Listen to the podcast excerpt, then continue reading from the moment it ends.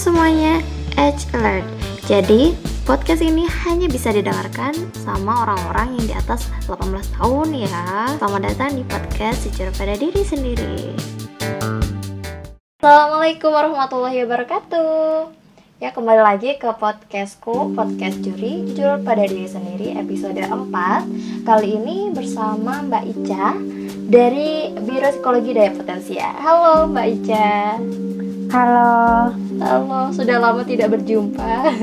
Iya. Udah berapa bulan ya? Hari-hari berprofesi sebagai psikolog klinis di. Biro Psikologi Daya Potensia Indonesia Oke. di Makassar. Iya, di Makassar ya Mbak ya. Iya. Katanya yang kemarin ikut itu Mbak apa? Relawan COVID ya? Oh iya, jadi eh, saya di Mm-mm. bagian screening, bagian screening Mm-mm. kondisi psikologis mereka. Oh. Di Screening itu yang- berarti ini ya, apa ya? Iya, diagnosis assessment. awal begitu atau bagaimana? bukan, bukan diagnosis sih, cuman Tep- screening itu kayak asesmen kondisi pemeriksaan kondisi psikologis mereka. Nanti Oke, dari pemeriksaan oke. itu Mm-mm. akan ketahuan apa penanganan psikologis yang cocok dengan individu yang bersangkutan. Iya iya. Keren sekali Mbak kalau apa ya pertama kali ketemu Mbak Ica itu yang langsung aduh ini kayaknya bisa temenan sama Mbak Ica karena saya sendiri karena saya sendiri suka di hal-hal bagian psikologi gitu Mbak. Oh iya iya. Ah, ah. Mm-mm. Oke, jadi kali ini kita mau bahas tentang kecanduan masturbasi. Pasti banyak eh, di antara kita dan remaja-remaja sih sebenarnya di umur yang mungkin SMP, SMA kan karena teknologi ini semakin cepat ya, jadi pornografi itu semakin mudah untuk diakses gitu mbak. Oh iya. Mm-mm. iya. Jadi kalau misalnya di psikolog itu mbak, eh, mungkin kita jelasin dulu ya, masturbasi itu secara umum tuh wajar nggak sih mbak sebenarnya? Nah sebenarnya eh, kalau kita gunakan, kalau kita melihat soal manusia, manusia itu otomatis eh, ada yang namanya libido. Ada setiap manusia otomatis ada hasrat seksualnya, itu wajar. Nah, oleh karena itu kan ada yang namanya konsep pernikahan kan untuk penyaluran hasrat seksual Oh. itu. Nah, kalau masturbasi kan uh, proses penyaluran hasrat seksual itu namun ke diri sendiri seperti itu. Nah sebenarnya apakah itu uh, apakah itu wajar atau tidak? Nah Mm. itu sebenarnya tidak masalah dilakukan oleh seseorang, bukan Hmm. tidak menjadi masalah. Yang menjadi masalah adalah ketika masturbasi itu dilakukan secara berlebihan. Mm. Tapi Seperti yang sebenarnya Mbak bilang tadi. Ah, Mm-mm. Untuk umur semisal SMP nih, kan banyak tuh yang udah nggak ngerti apa-apa, tapi oke seru nih seru ngelihatnya bareng-bareng gitu mbak. Jadi itu juga suatu hal yang apa ya, cukup wajar untuk di usia segitu mbak. Nah, kalau kita uh, jadi hasrat seksual itu sudah ada dari kecil kan. Nah, sekarang kalau kita uh, bandingkan, kalau kita hubungkan dengan situasi saat ini, di mana sangat gampang video-video video-video seperti itu beredar. Belum lagi kalau untuk remaja, salah satu uh, tugas perkembangan mereka adalah bersosialisasi, berinteraksi dengan teman sebaya. Nah, dan remaja juga itu sangat ingin menjadi uh, bagian dari satu kelompok atau satu komunitas, sehingga Iya benar. bahkan beberapa remaja itu akan melakukan uh, apa pun, entah Hmm. itu positif ataupun negatif, yang penting diterima oleh uh, Komunitas. kelompok itu, Mm. komunitas komunitas itu. Ditambah lagi remaja itu memiliki rasa ingin tahu yang tinggi, Hmm, sehingga benar. kalau itu dikombin Iya. keinginan untuk men- kebutuhan untuk menjadi bagian dari satu kelompok dikombin Mm-mm. dengan rasa ingin tahu ketika nah itu bisa jadi seperti yang uh, Salsa bilang. Itu akan membuat mereka tanpa mempertimbangkan ini baik atau benar ini baik Hmm. atau salah mereka langsung mengikuti. Mm-mm. ayo apalagi kan sekarang sangat handphone itu sangat gampang kan ya? Uh, akses akses untuk mendapatkan video-video pornografi itu sangat mudah. Mm -hmm. walaupun memang di beberapa website itu dia memang harus di atas 17 tahun. Mm -hmm. tapi kan itu bisa tapi, di itu kan? Itu iya, bisa iya. mudah gampang untuk dimodifikasi. Ya seperti oh. itu. Berarti apa ya untuk pencegahan gimana sih? Kalau misalnya sebagai orang tua gitu berarti kan itu sesuatu hal yang gak bisa kita hindari kan mbak sebenarnya untuk anak-anak mm -hmm. remaja hmm. itu sebenarnya iya, kan? hmm. itu sebenarnya bisa dilakukan dengan memberikan dengan komunikasi orang tua itu ya? Iya, remaja hmm. itu ketika dia dilarang, semakin dia dilarang, semakin hmm. dia penasaran iya, kenapa bener. saya dilarang. saya oh, kok yeah. dilarang ya, ada apa? Hmm. Ketika sebenarnya apa ya? Saya termasuk individu yang uh, pro dengan edukasi mengenai seksual hmm. usia dini. Okay, Karena dari okay. situlah uh, anak ataupun remaja mereka bisa memahami mengenai oh ternyata hal-hal hmm. seperti ini itu terlarang hal-hal seperti ini yeah. itu dilakukan kurang baik hmm. Beberapa kasus yang pernah saya temui masturbasi hmm. yang akhirnya membuat mereka masturbasi itu karena orang terdekatnya yang mengajari. Contohnya? Contohnya yang seperti yang salah saya bilang tadi mm, teman teman kelompoknya mm, teman gengnya. Jadi mm, ada loh video keren ini ini ini. Mm, ayo nonton deh sama-sama di rumah iya, iya. atau di uh, pas kita lagi istirahat sekolah ya. Mm, pencegahan pertama padahal bisa dilakukan oleh orang tua dengan mengasih tahu itu ya informasi tersebut. Jadi anak ya. nggak penasaran lagi tentang itu. Iya. Tentang dia tidak penasaran lagi bahkan dia sudah hmm. tahu bahwa hal ter hal hal ini itu sebenarnya kurang baik untuk dilakukan. Hmm. apalagi ya, kalau sudah sampai berlebihan. Iya ha benar banget tapi hmm. kalau misalnya lihat dari gender ya mbak ya biasanya hmm. itu pria yang lebih besar intensitasnya dalam melakukan masturbasi daripada wanita. Dari segi iya. umur iya. pun mungkin bisa dikatakan wanita mungkin baru tahu kuliah atau SMA lah. ya kan? Tapi kalau pria itu anak SD pun udah tahu ya tentang masturbasi itu. Ya. Kalau hmm. yang uh, kalau kita hubungkan kaitkan dengan budaya hmm. uh, kalau kita kaitkan dengan budaya di Indonesia memang anak perempuan itu lebih lebih malu hmm. lebih malu untuk membahas mengenai masalah seksualitas dibanding anak laki-laki iya yeah. iya Ta tapi ya. kalau masturbasi itu nggak melalui pornografi video saja ya mbak ya ternyata bisa novel novel pun hmm. juga bisa iya jadi sebenarnya hmm. uh, bukan cuma sekedar novel hmm. dari komik pun ada jadi memang hmm. ada satu jenis komik namanya hentai hmm. itu memang komik oh. yang beri yang isinya mengenai uh, eh, yang isinya memang pornografi hmm. ada beberapa komik hentai yang memang ada ceritanya tapi ada beberapa komik hentai yang hmm. hanya hanya fokus ke seks, hmm. uh, menonjolkan seksual seks. menonjolkan seksualnya hmm. gitu. Nah, sekarang kan makanya itu mungkin juga orang tua bisa memberikan batasan dalam mengakses dalam mengakses uh, selain komunikasi bisa juga dengan mengakses. Iya, benar.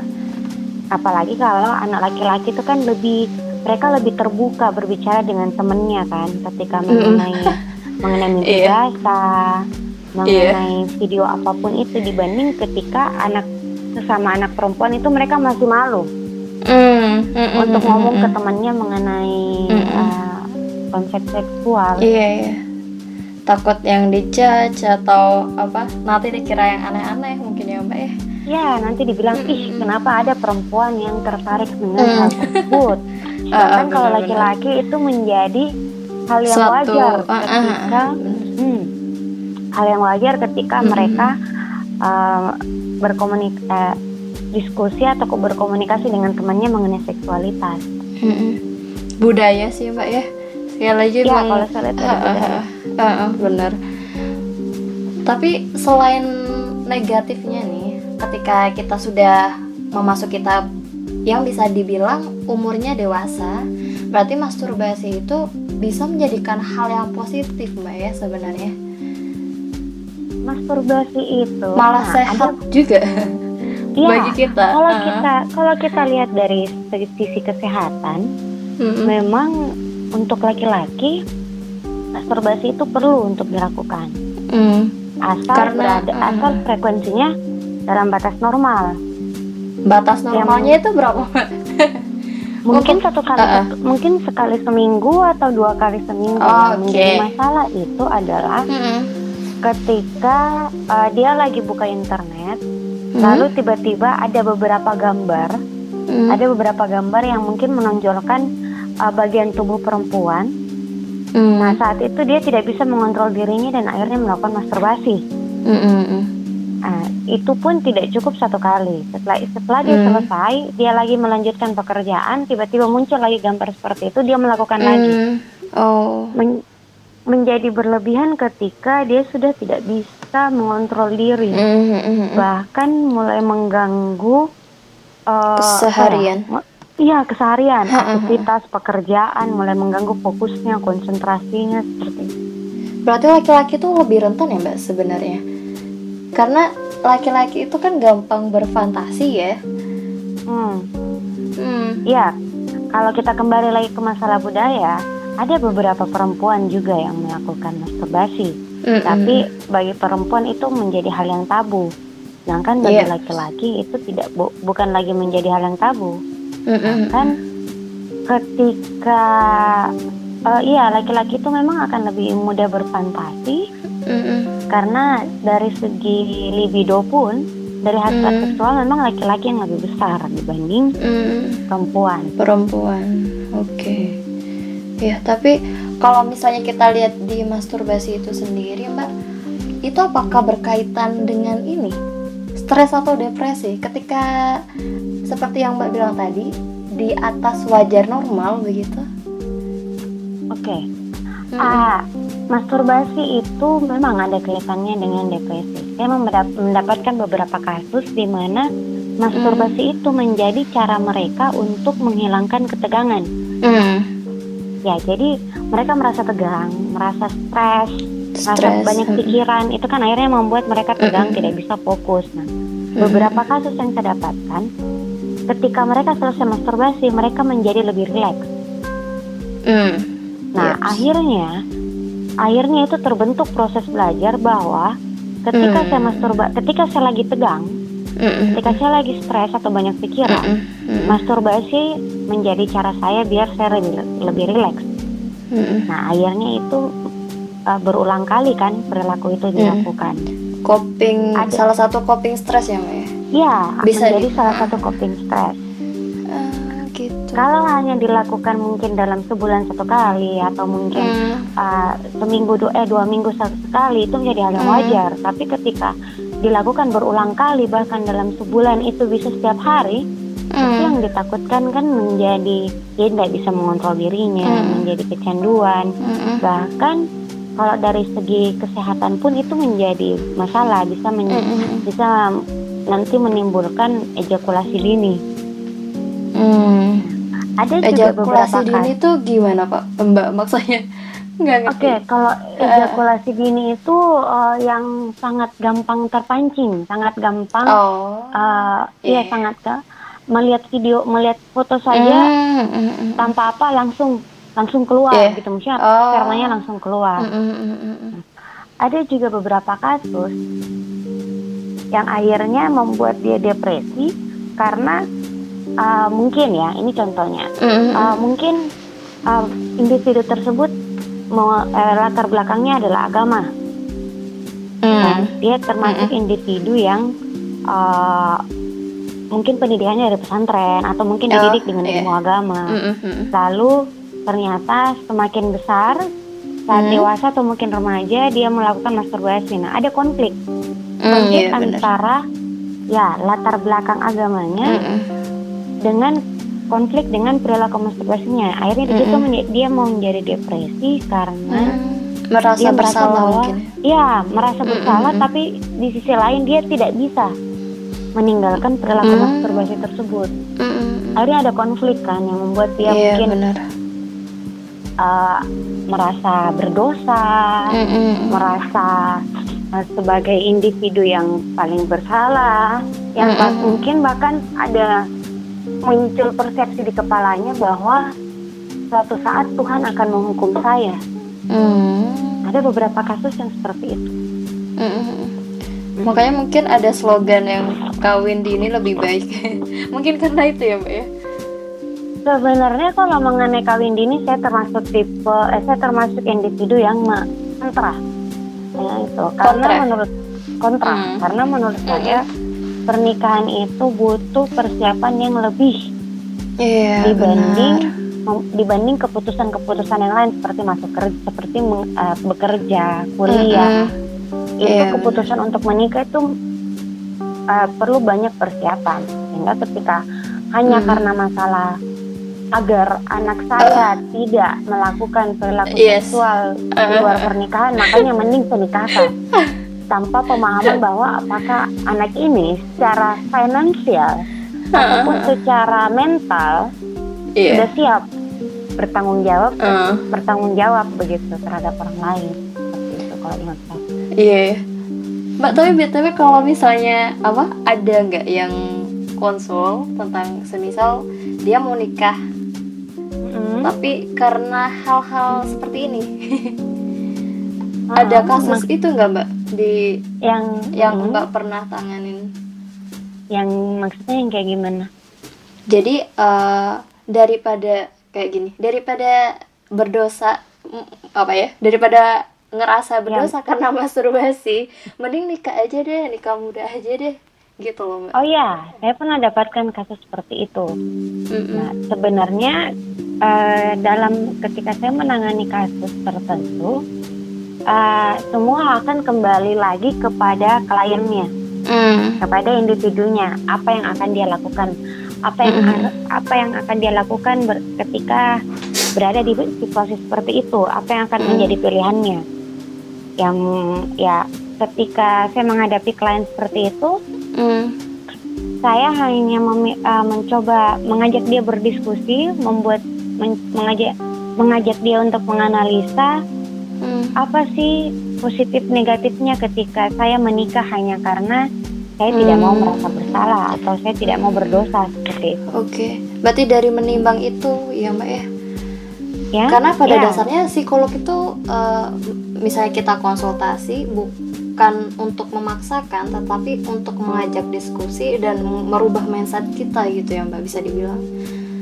Ya, hmm itu kembali ya seperti itu jadi uh, di psikologi sebenarnya itu kan ada beberapa ada beberapa uh, bentuk terapi kan mm-hmm. bentuk terapi apa yang sesuai terhadap setiap individu itu belum tentu uh, ada dua orang mm-hmm. masalahnya sama mm-hmm. belum tentu terapi yang bisa diterapkan ke dia sama mm-hmm. contohnya uh, ada dua orang Hmm. Dua orang ini sama-sama datang dengan keluhan uh, saya memiliki kecanduan masturbasi. Hmm. Lalu saya tanyakan apa ya apa harapannya dari setelah hmm. diberikan terapi psikologi. Yang A hmm. mengatakan saya ingin intensitas masturbasi saya berkurang, tapi saya tidak, tapi saya tetap mau masturbasi. Hmm. Cuma saya mau uh, belajar mengontrol diri. Yang. B mengatakan saya mau perilaku masturbasi saya hilang Oh. Saya tidak mau lagi melakukan perilaku masturbasi. Saya tidak hmm. mau lagi melakukan masturbasi. Hmm. Bentuk terapi dua orang ini pasti berbeda. Seperti itu. Kalau yang B, yang mau hmm. hilang, hmm. ya pasti saya akan mencoba untuk, ayo, coba diubah mindsetnya, hmm. mencari tahu ini masturbasi dianggap sebagai apa. Hmm. Kalau memang akhirnya masturbasi dianggap sebagai bentuk uh, menghilangkan ketegangan, oke okay, kita hmm. cari perilaku lain yang memberikan dampak yang sama. Hmm. yeah. mengganti perilaku masturbasi itu. Mm -hmm. Kalau yang A, saya akan mm. mencoba berdiskusi ke dia untuk mengontrol diri, tetap mengubah persepsinya, tapi mengurangi intensitas. Tapi hanya mengurangi, tapi mm. hanya untuk mengontrol diri supaya perilaku masturbasinya menjadi berkurang. Mm. Yeah. Wah, saya saya kaget gitu. Ternyata uh, banyak juga ya kasus masturbasi kecanduan masturbasi itu ya mbak ya? Ya uh, ada memang beberapa kasus uh, seperti itu yang pernah saya mm-hmm. uh, yang pernah saya tangani. Tapi emang kalau misalnya kecanduan masturbasi itu apakah ada level-levelnya ya mbak ya? Semisal ini masturbasi udah mencapai ekstrim nih gitu. Hmm, itu bergantung lagi dari individunya sebenarnya. Hmm. Sama seperti ketika rokok, ada hmm. yang bilang kecanduan rokok, ada hmm. orang yang memang dia perokok, tapi dia bisa ketika berada di satu situasi dia bisa untuk tidak merokok. Tapi ada individu yang tidak, pokoknya saya harus merokok, dia sama sekali tidak hmm. bisa kalau tidak merokok kan. Sama oh. seperti masturbasi, bergantung hmm. lagi dari individunya kalau orang lain mungkin beranggapan bahwa kamu itu sudah kecanduan tiap hmm. hari mm. masturbasi. Mm. Tapi kalau dia sendiri merasa bahwa saya baik-baik saja, mm. ya itu itu dia anggap nah. bukan menjadi sesuatu yeah. yang kecanduan. Tapi ada juga orang yang satu minggu cuma satu kali, tapi dia merasa bahwa dia sudah kecanduan. Walaupun orang-orang di sekitarnya mengatakan, ah, nah, tidak masalah kok kalau mm -hmm. cuman satu kali satu minggu yang penting yeah. tidak setiap hari tapi mm -hmm. karena dia merasa bahwa itu adalah sesuatu yang kurang baik mm. dia sudah merasa bahwa dirinya sudah kecanduan mm. berarti itu termasuk ini ya mbak ya self diagnosis itu ya mbak ya ya self diagnosis mm. ya karena tapi sebenarnya kan, boleh atau tidak mbak kita mendiagnosis diri sendiri dan apa ya ini ini sebenarnya sudah mencapai tahap yang ekstrim atau tidak ini sudah membutuhkan uh, bantuan profesional atau enggak gitu?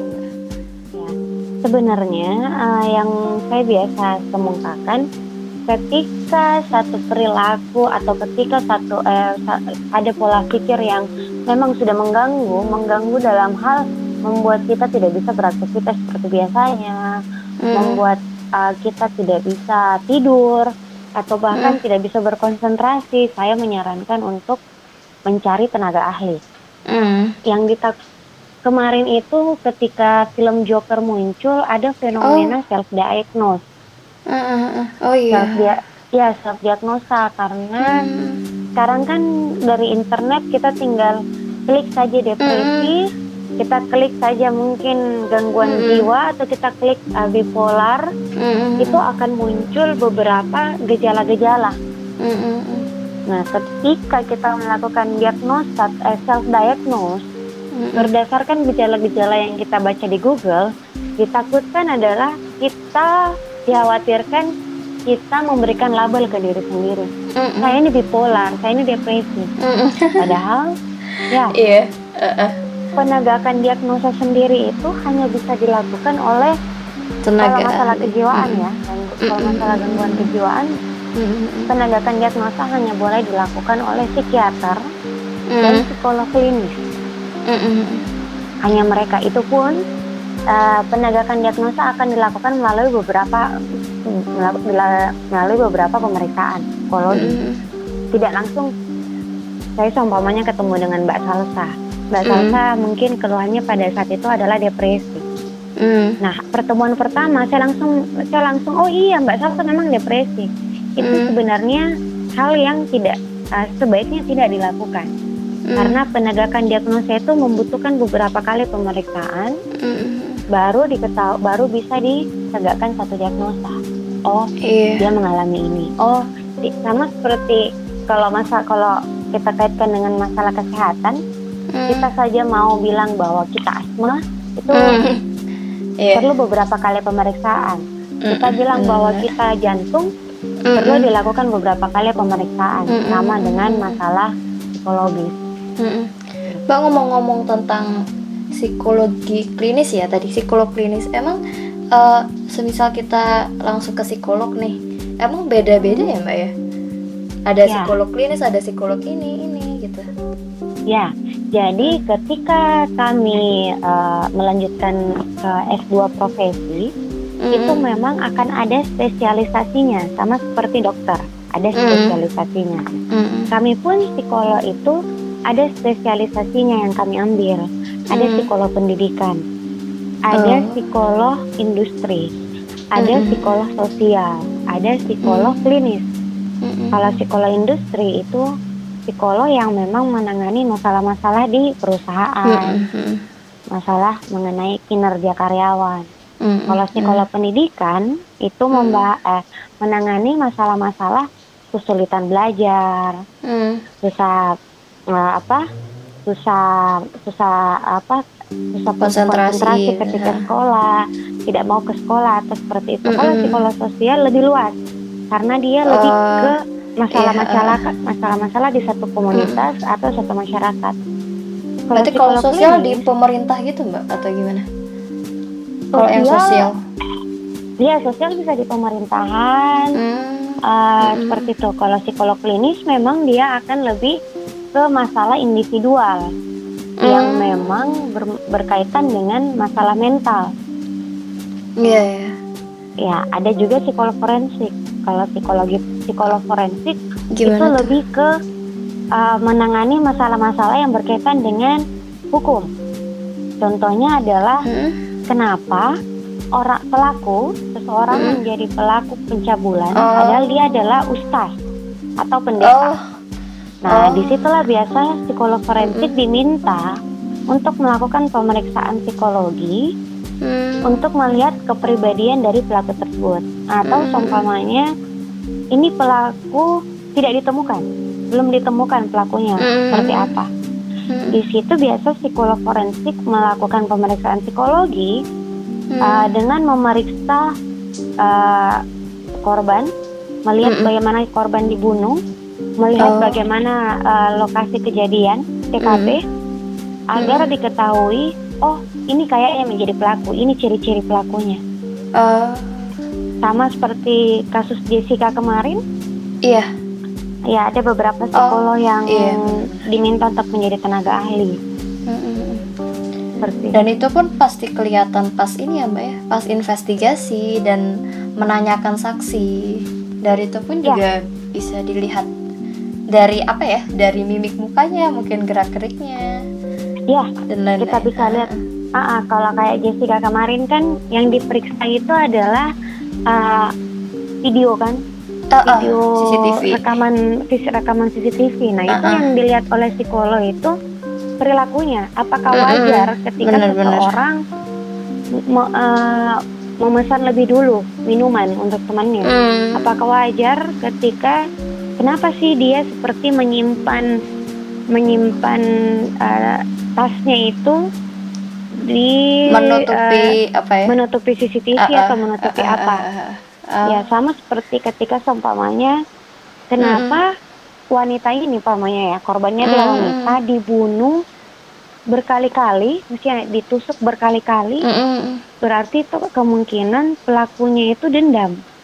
Oh. Berbeda dengan wanita yang hanya ditusuk satu kali. Oh berarti uh, mungkin hanya sekedar uh,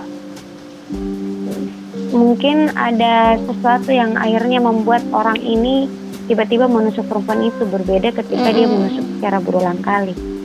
Kalau kalau forensik seperti itu yang ditangani kasusnya. Ya, itu hebatnya ilmu psikolog ya mbak ya. Dari tulisan tangan pun kita bisa tahu kepribadian orang. Iya. dari mimik ada. dari mimik muka juga bisa mbak atau gimana? Iya. Iya? Buat orang-orang yang pernah mempelajari mengenai mimik muka, sama seperti mm -hmm. tulisan tangan kan ada grafologi. Mm -hmm. Jadi ada orang yang bisa membaca dari tulisan tangan. Begitupun mm -hmm. dengan mimik muka, itu juga orang bisa tahu mm. mimik muka seperti apa orang yang marah, mm. mimik muka seperti apa orang yang bosan, mimik oh. muka seperti apa orang yang kecewa mm -hmm. ataupun bahagia itu uh, kalau itu dipelajari itu bisa mm -hmm. diketahui seperti itu. Oke. Okay. Oke, baik kita balik lagi ke masturbasi tadi ya. Semisal kita mm-hmm. udah ngerasa, aduh ini kayaknya aku kecanduan gitu. Berarti mm-hmm. langsung ke psikolog atau ke psikiater. Terus bagaimana mbak? Oke, kalau sebenarnya tidak masalah apakah mau mm-hmm. ke psikolog atau ke psikiater. Tapi kalau psikiater itu kan lebih ke obat. Iya, yeah, benar. Ya, mm-hmm. biasanya memang mereka akan fokus ke psikofarmakologi. Jadi memang hmm. berfokus ke obat-obat hmm. psikologis. Okay. Obat-obat yang seperti itu. Kalau kami psikolog, khususnya lebih psikolog ke, klinis itu uh, lebih ke ya bagaimana ayo yuk kita diskusi. Mm, mm, mm, Kenapa sih kamu melakukan itu? Apa Dan itu lebih kamu, aman ya, Apa efeknya? Dan itu lebih aman ada, dari psikiater? Uh, saya tidak bisa bilang aman karena ada beberapa kasus oh, yang memang butuh yeah. dikombin. Hmm. Ada oh. beberapa kasus yang memang butuh kerjasama psikolog dan psikiater. Contohnya? Salah satu contohnya itu seperti uh, bipolar ataupun depresi yang oh. sudah ekstrim. Hmm. Eh, buat mengontrol secara kimia ya mbak ya?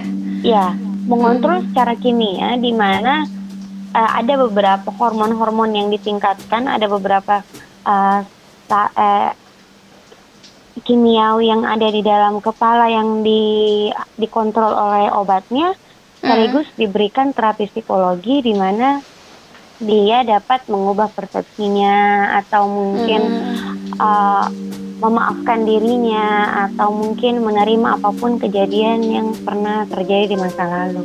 Hmm. Nah, akan tetapi ada juga beberapa kasus yang membutuhkan memang penanganan obat dari psikiater, hmm. psikolog, hmm psikolog sudah tidak bisa menangani masalah tersebut. Ada beberapa kadang, kasus seperti itu. Kadang gini mbak, ada beberapa misal udah tahu kalau misalnya ah kayaknya kecanduan gitu, tapi hmm. apa ya tidak berani untuk pergi ke tenaga yang lebih ahli gitu. Ya, itu bagaimana oh, caranya di... kita menerima oh iya aku ini butuh ini loh butuh apa penanganan lebih lanjut gitu kan biasanya orang denial tentang itu ya hmm. yang saya lihat uh, khususnya ketika saya kembali ke Makassar hmm. itu uh, uh, beberapa bukan cuma di Makassar sih yang saya lihat pada umumnya hmm. uh, individu masih masih ada stigma bahwa orang-orang yang mendatangi psikiater ataupun psikolog hmm. itu dilabeli gila. iya benar. ya benar. Akhirnya di, di, dilabeli gila, akhirnya membuat mereka, nanti orang-orang hmm, hmm, tahu saya datang, nanti orang-orang tahu bahwa saya lagi ke psikolog atau lagi ke psikiater, nanti dia bilang saya gila. Ada juga beberapa stigma di masyarakat yang memperlihatkan bahwa uh, yang men yang memberikan label bahwa ih lebaynya mm. hanya masalah kecil seperti itu kamu butuh bantuan orang lain ih kamu bisa mm. kali sendiri mm. kamu bisa mm. kok uh, apa ke ke agama Iya, yeah. ke, tidak mm. tidak perlu ke psikolog atau psikiater lebay sekali masalah kecil saja hanya karena masalah masturbasi masa kok tidak bisa? Masa kamu nggak bisa ngontrol diri sih? Mm-hmm. sih kayak gitu yang kadang banyak gini mbak. Jadi semisal kita oke okay, aku butuh bantuan. Misal udah menerima mm. gitu. Tapi ketika kita misal mengobrolkan atau mendiskusikan hal tersebut kepada orang lain orang lain jadi kayak gini bilangnya uh, kamu kamu misal tentang masturbasi ya kamu gitu aja apa ya jangan gitulah. Kayaknya kamu tuh cuman kurang sholat atau kayaknya kamu tuh cuman kurang ngaji aja. Agamamu tuh ditingkatin dong kayak gitu kan biasanya. Yeah. padahal oh, oh itu sih yang bikin ini biasanya kayak oh iya yeah. semisal kalau saya refleksikan ke saya sendiri oh jadi aku selama itu ya keimananku sampai aku misal depresi atau sampai aku kecanduan masturbasi kayak gitu loh itu omongan orang yang nggak bisa kita hindari juga biasanya. Ya, uh, otomatis memang kita tidak akan bisa menghindari omongan-omongan seperti itu. Hmm. apalagi karena budaya kita yang uh, budaya kita seperti itu kan masih hmm. hmm fokus hmm. ke agama hmm, hmm benar ya, ya karena sebenarnya ketika kita melihat seseorang ketika kita uh, mengenal atau sudah mempelajari mengenai manusia memang mm. manusia itu kompleks dia mm -mm. sangat kompleks jadi uh, sama seperti tadi kan ada dua orang yang datang dengan keluhan yang sama hmm. mungkin contohnya dua orang ini sama-sama putus pacar hmm. sama-sama putus dengan pacarnya yang A ketika dia putus pacar dia sampai tidak mau kuliah dia sampai tidak bisa makan sampai tidak hmm. bisa gimana gimana beda dengan B ketika hmm. B putus dengan pacar dia santai-santai saja bahkan ah saya bisa kok dapat laki-laki yang lain oh. saya bisa kok dapat perempuan yang lain mm-hmm. itu kalau kita di psikologi kita bilangnya human uh, individual differences mm-hmm. tiap manusia itu berbeda berbeda karena okay. tiap manusia itu memang sepanjang kehidupannya dia akan terus belajar mm-hmm, benar belajar bukan hanya belajar mengenai masalah pendidikan tapi belajar mm-hmm. juga mengenai uh, bagaimana berinteraksi, bagaimana mm -hmm. mengatasi mm. satu masalah, kondisi diri sendiri, kondisi diri sendiri, bagaimana mm. ketika berada di satu situasi apa yang harus saya lakukan. Mm. Nah, mm. yang yang bisa saya lakukan biasanya saya akan karena kan kita tidak bisa mengontrol kan apa yang orang yeah, lain bilang. Iya, yeah, benar. Yang bisa kita lakukan itu bagaimana kita menyerap apa yang orang itu ter mm. orang tersebut itu bilang. Yeah, kalau yeah, kita bener. kalau kita menyerap secara full mm -hmm.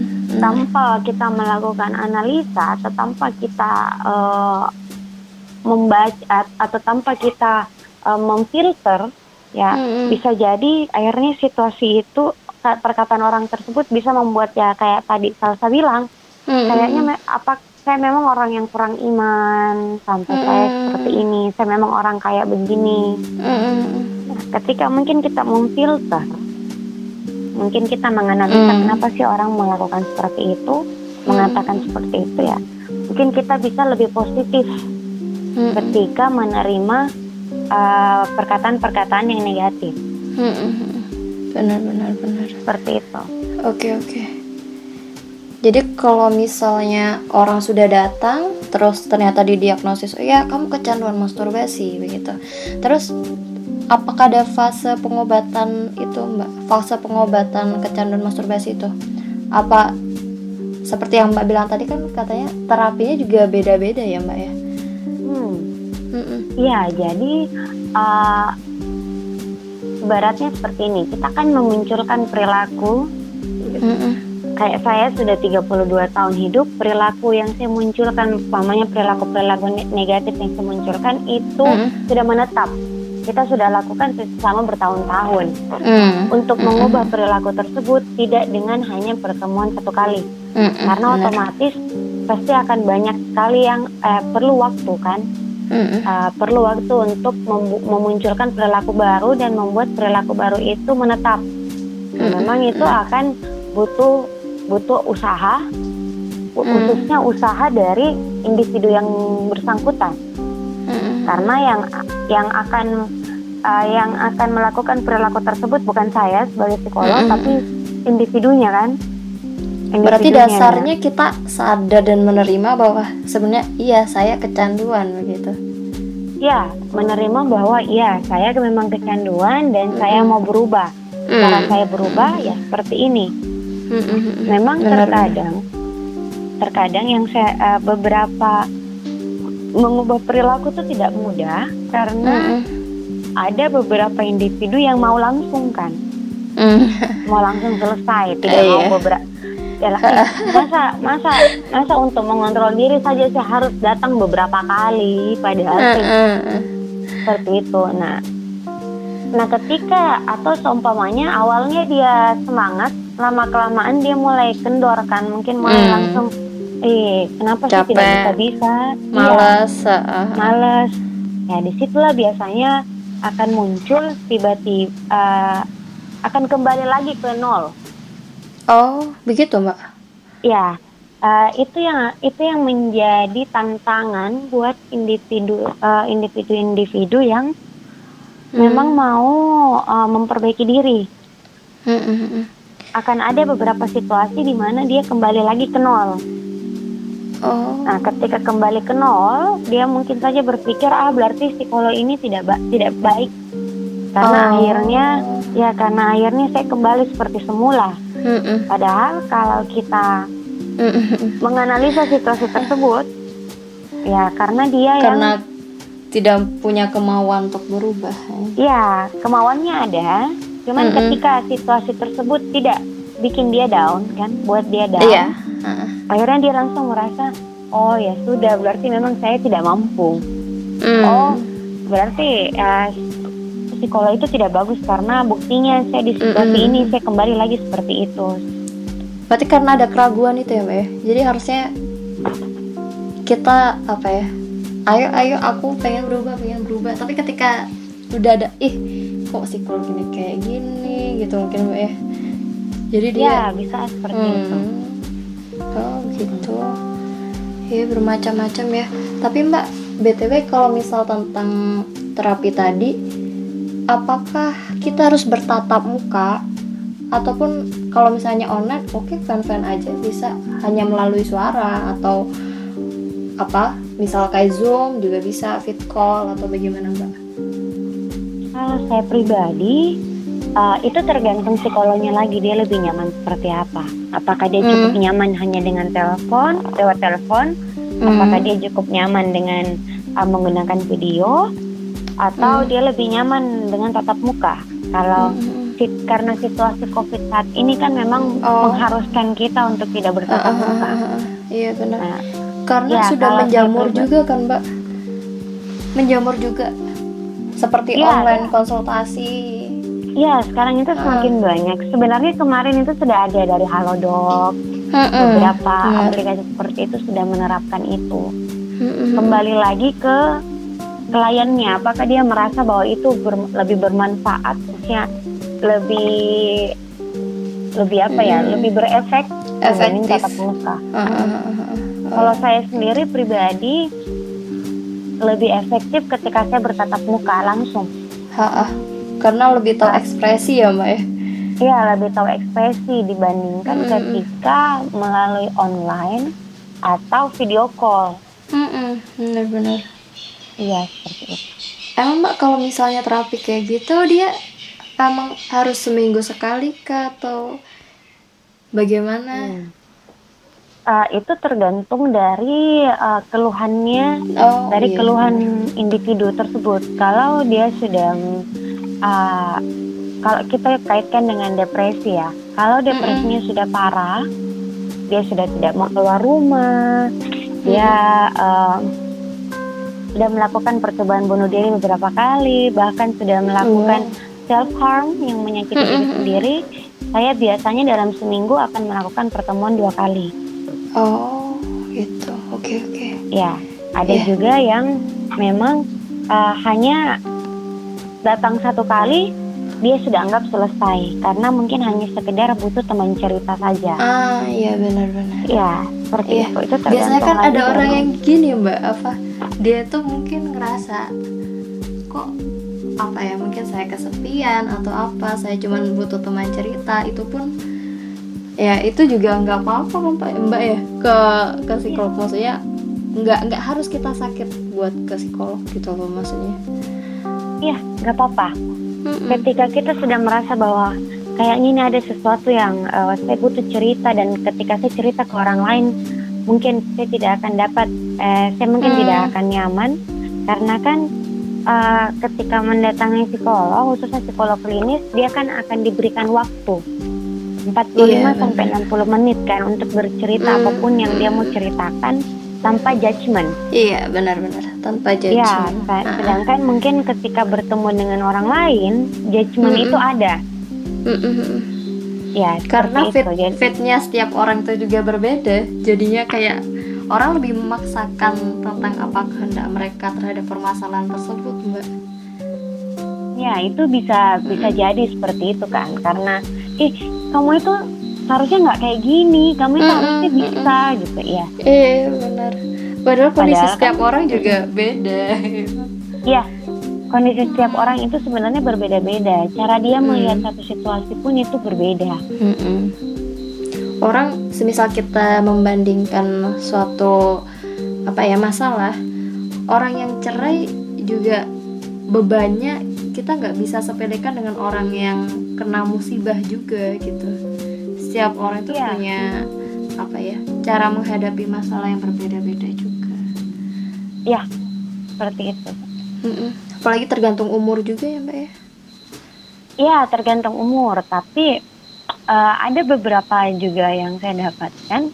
Walaupun mm. dia sudah tergolong usia dewasa mm tapi cara mengatasi masalahnya oh. masih seperti anak-anak Nah itu yang saya saya kembalikan dengan yang saya katakan bahwa selama hidup, selama proses hidup seseorang, mereka akan terus belajar.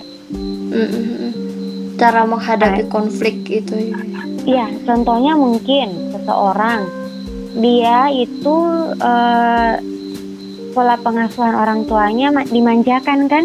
Mm-hmm diberi dia mau sesuatu ada masalah orang tuanya yang langsung mm, uh, itu benar, benar. orang tuanya yang langsung turun uh, tangan menyelesaikan uh, uh, orang tuanya yang seperti ini. Nah ketika dewasa cara penyelesaian masalahnya akan sama. Mm, mm, mm. bergantung seperti ke orang itu. lain. Iya bergantung ke orang lain. Jadi uh, ketika nilainya jelek dia bisa langsung uh, ih tunggu saya telepon mamaku. Atau saya telepon ayahku. Beda ya beda.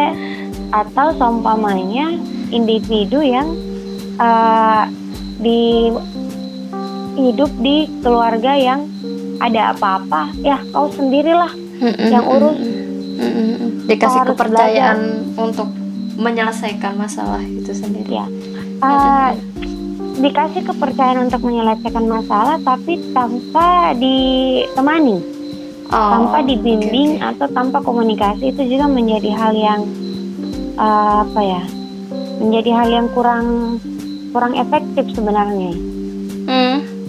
Kenapa karena akhirnya dia eh, individu tersebut tidak tidak tidak menganalisa atau tidak belajar apakah efektif cara saya menyelesaikan masalah. Oh ya ketika dia mungkin uh, ada komunikasi dengan orang tua ada atau ada komunikasi dari orang sekitar dia mungkin bisa belajar oh iya ya kayaknya cara saya kemarin itu nggak bagus. Saya coba dulu coba saya coba cara yang lain.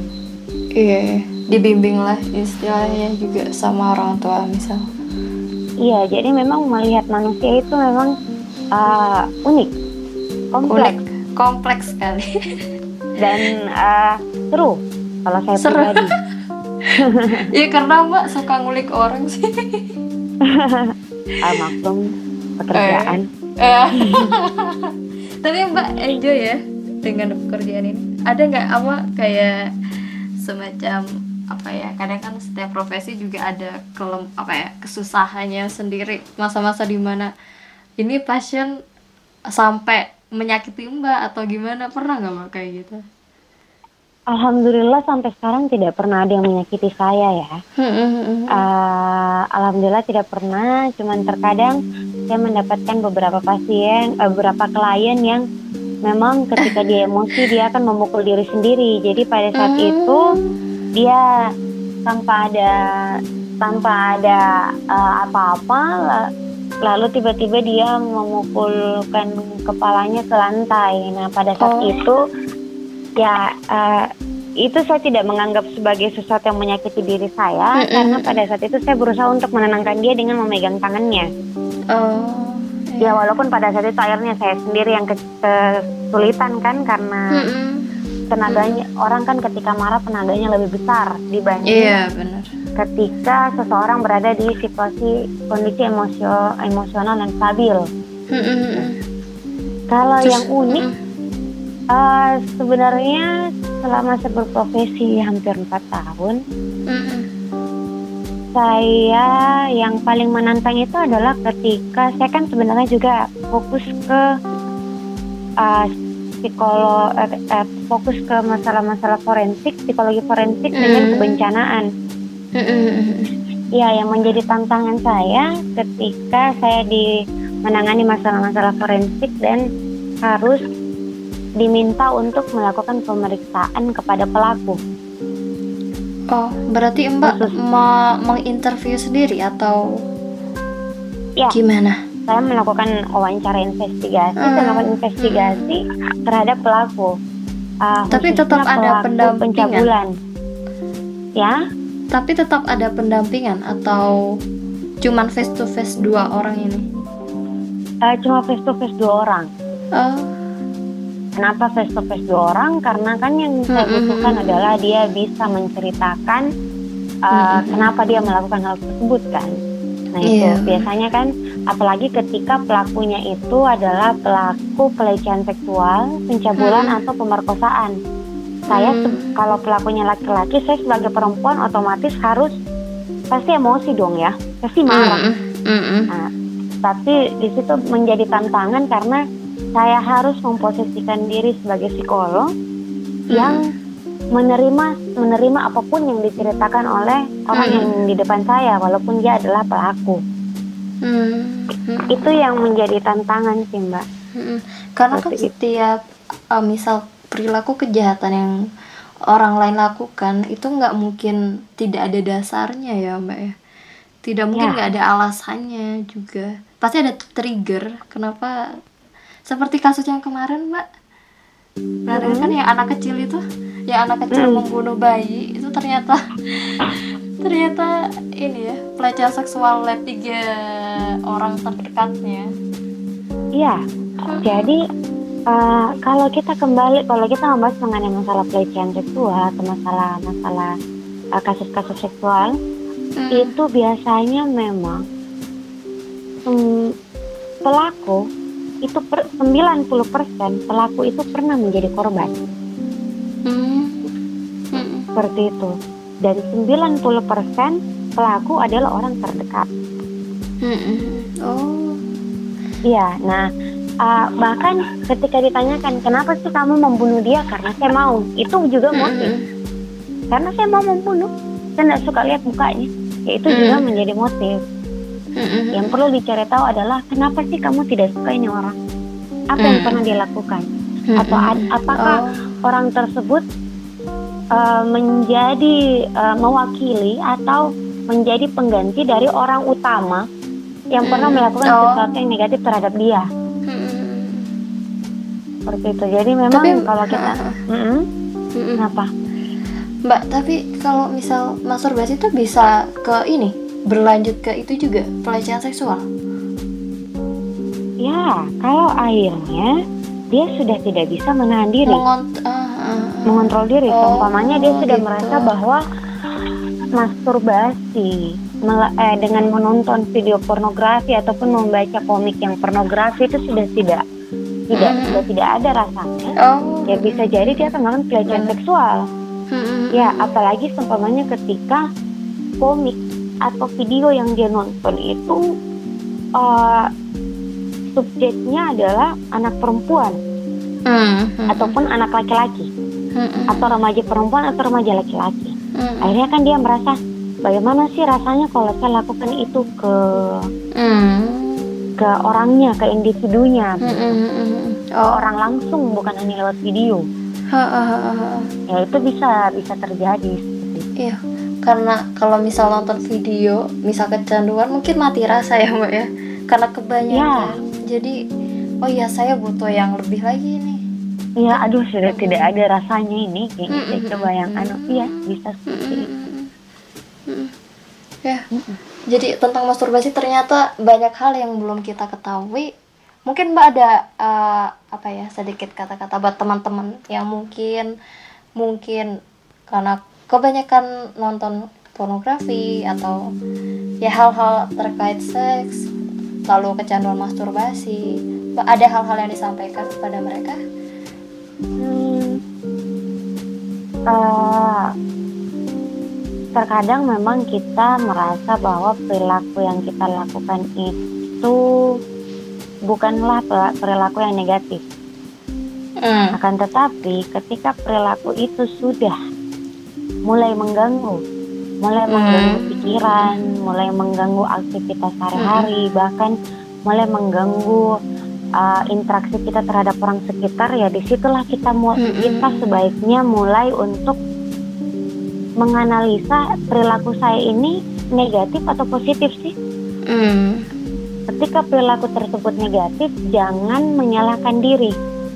Hmm. Saya tidak menyarankan untuk menyalahkan diri bahwa hmm. Saya orangnya negatif, makanya perilaku yang saya munculkan negatif. Hmm. Tapi coba menganalisa kenapa perilaku itu muncul. Dan jika memang membutuhkan tenaga ahli, uh, di setiap daerah, setiap kota sekarang saya mm uh, saya yakin ada psikolog khususnya psikolog klinis. Mm uh, cobalah untuk menggunakan jasa mereka mm. uh, karena uh, mengubah satu perilaku atau mengubah satu pola pikir itu memang membutuhkan waktu. Nggak langsung. Iya, nggak langsung berubah dan butuh orang-orang, butuh seseorang yang memang uh, profesional hmm. untuk membantu mengubah iya. itu gitu. Benar benar kata-kata terakhir. Yes. Tapi iya tertarik sekali dengan sebenarnya uh, pas pertama kali tahu apa ya kan cari-cari topik ya mbak. Ini apa ya topiknya? Terus kebetulan oh ya gimana ya kalau masturbasi? Pasti banyak yang pengen tahu juga. Orang kan biasanya masturbasi juga uh, dia nggak nggak sadar bahwa dirinya itu oh iya saya saya kecanduan sebenarnya kayak gitu. Iya. Ke mbak terima kasih banget sudah meluangkan waktunya karena saya tahu mbak orangnya sibuk banget Nggak juga tapi sudah ya sudah meluangkan waktu untuk podcast ini saya sama-sama.